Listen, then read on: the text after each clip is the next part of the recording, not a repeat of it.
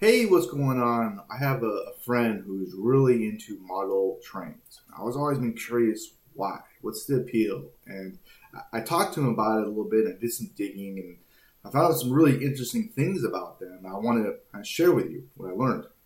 Uh, according to my friend, uh, the biggest reason that he's into it is really his therapeutic value. Uh, so it's really just an escape from the world and all the craziness that's going on with it and uh, focus on something that you can control. Um, there's definitely some some benefits there, uh, especially when it comes to stress and just reducing stress, which we can all do more of.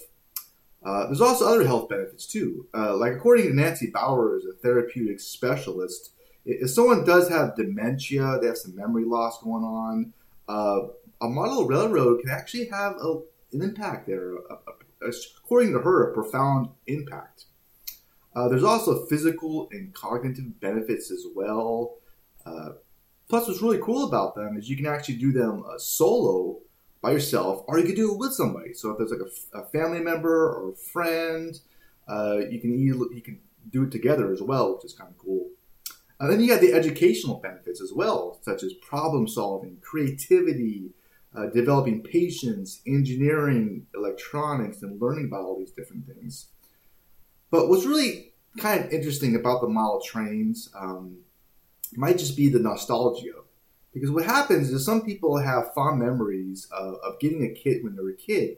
Perhaps it was at Christmas time, a small kit, went around the Christmas tree or something, and uh, they got these memories, right? It's nostalgia.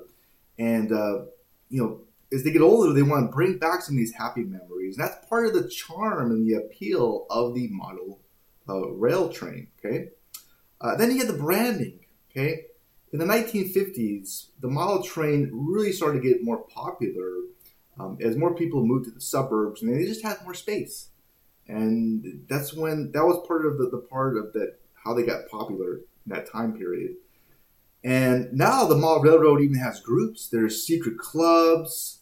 Uh, there's stores dedicated to them, even events. Okay, even Tom Hanks, the actor, is uh, well, he loves them.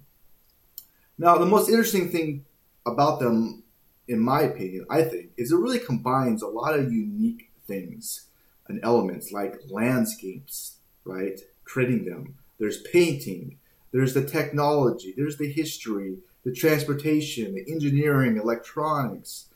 Uh, so it's really a combination of a lot of really, really cool stuff. And, and imagine if the world, if trains didn't exist, right? In the United States alone, 40% um, of long distance freight is moved on rails. So they make a big, big impact.